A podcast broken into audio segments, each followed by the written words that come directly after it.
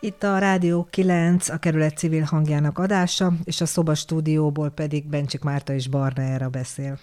A családon belüli hivatalos nevén kapcsolati erőszak családok sokaságát érinti világszerte. Mi is készítettünk januárban arról műsort, hogyan állt ki Ferencváros a védett lakások programjával a bántalmazottak mellett az erőszak áldozatainak a megsegítésére okkal lehet tartani most attól, hogy a koronavírus miatti összezártságban még inkább megszaporodhatnak a bántalmazások.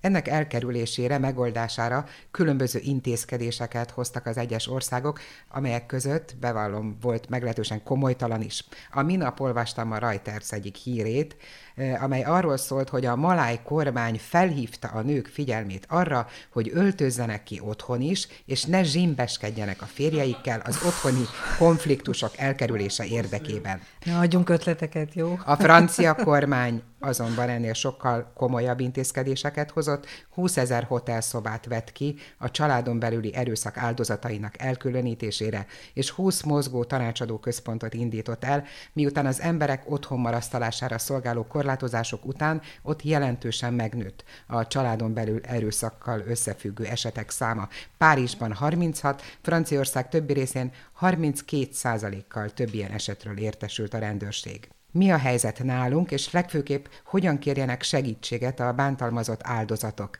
Először erről beszélt Zingerné Nemes Edinának a NANE munkatársa, Virt Judit leges legelőször is mindenkit arra intenék, hogy minden olyan kommunikációt, amit a bántalmazásról kommunikálnak kifelé, azt önmaga úgy monitorozza, hogy közben azt képzeli, hogy a bántalmazója mit csinálna. Hogyha meglátná azt, amit ír, vagy azt, hogy hova telefonált, törölje, lehetőleg olyan kommunikációs csatornákat használjon, amik nem lehallgathatóak, vagy ellenőrizhetőek, nem lehet visszaállítani, tehát biztonságos appeket, belépési kóddal rendelkeznek. Egyébként mit tudtok ilyenkor tenni, vagy az önkéntesek mit tudnak ilyenkor tenni? Mert hát az egy eléggé nehéz helyzet, hogy ugye otthon van mindenki, tehát a bántalmazó is otthon van, próbál segítséget kérni a bántalmazott. Még az a helyzet van, hogy ugye kiárási korlátozás van. Lehet-e ilyenkor igénybe venni valami olyan szolgáltatást, áldozatsegítő szolgáltatást? Hát Magyarországon eddig sem voltak a szolgáltatások olyan elképesztően jó minőségűek, vagy, vagy vagy általánosak, tehát nem számítunk arra, hogy az eddigi kiválóan működő háló, amit a bántalmazottak alá helyeztek volna, az, az most hirtelen így kiszakadozik, vagy összeomlik, mert eddig sem volt. Tehát az, hogy bántalmazottakat kimenekítsenek a bántalmazás helyszínéről, azért az Magyarországon egy álomszerű feltételezés volt korábban is. Ritkán előfordult egyébként, a krízis intervenció keretében, de egyáltalán nem volt általános. Hasonlóképpen a rendőrség reakció sem volt különösebben dicséretes, eleddig sem. Tehát az a bántalmazott, aki most azt fogja hallani egy rendőrtől, hogy nem jön ki, az nem fog semmi különösen mást hallani ahhoz képest, amit eddig hallottak bántalmazottak.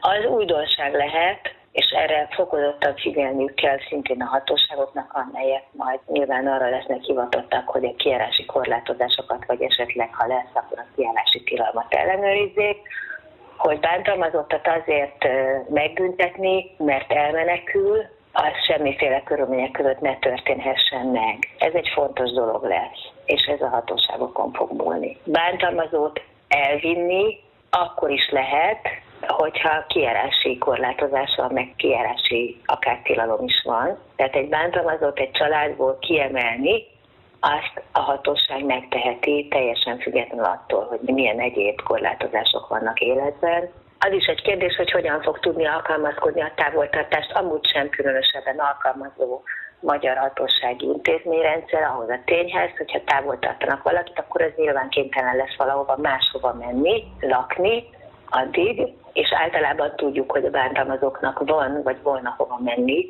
de nem szoktak elmenni, de ezzel együtt a távoltartásnak a, a használatát nem lehet arra hivatkozva, vagy hát ideális esetben nem lehetne arra hivatkozva felfüggeszteni, hogy most ez a szociális öntávoltartás van életben, illetve mert valakinek ahhoz helyet kell változtatni. Vártok-e olyan bejelentéseket, vagy olyanokat, ahol ez a bántalmazás, ez valami újonnan kialakult dolog, akár a mostani szituáció a karantén helyzet miatt? Hát ez egy általános tévhit.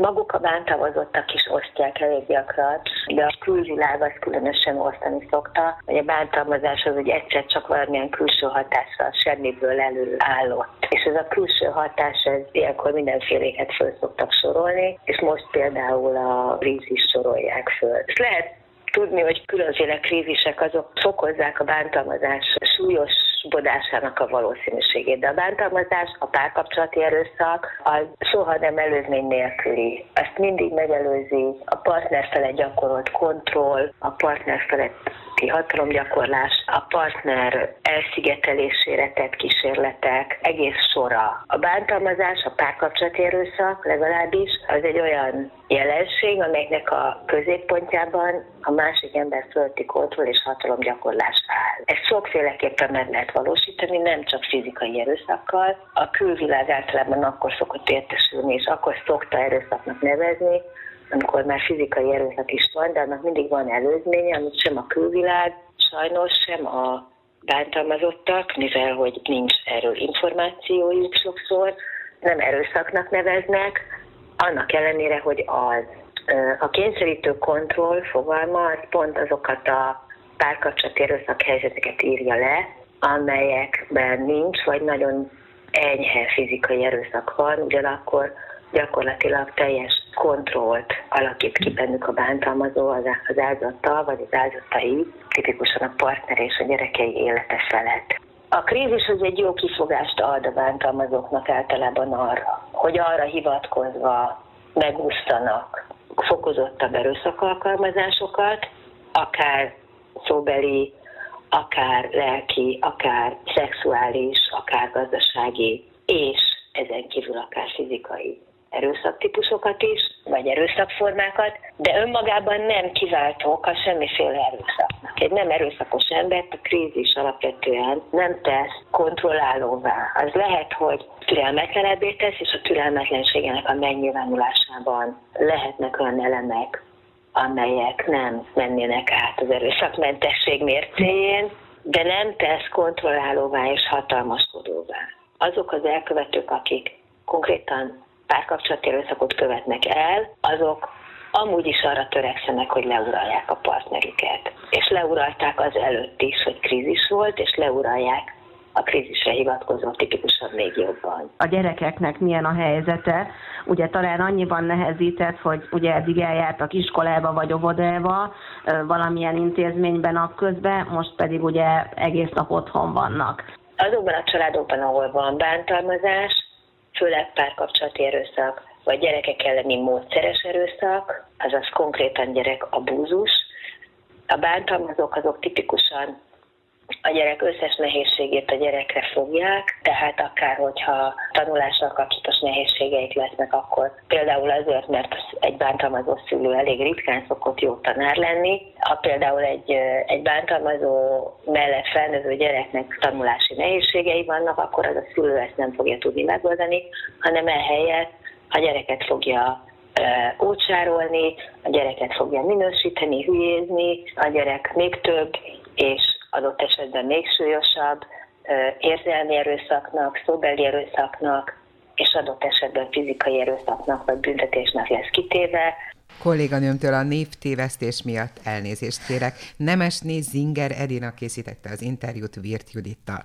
Egy másik áldozat segítő szervezet munkatársa azokat az élményeit osztotta meg velem, hogy ők egyelőre nem tapasztalták a családon belüli erőszak miatti hívások számának a növekedését, ami arra vezethető vissza, hogy az emberek, így a bántalmazók is most először a külső, a családon kívüli, például a munkájukkal kapcsolatos dolgokra koncentráltak, azokat akarták rendezni.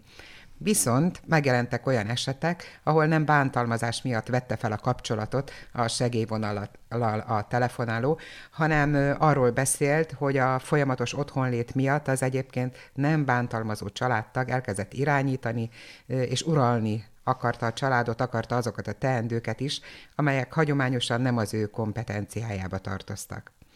Ez különösen a gyerekekkel való kapcsolatban, az otthoni tanulásban, a gyereknevelés során az egyet nem értésben csúcsosodhat ki, és okozhat először kisebb, később akár nagyobb konfliktust is.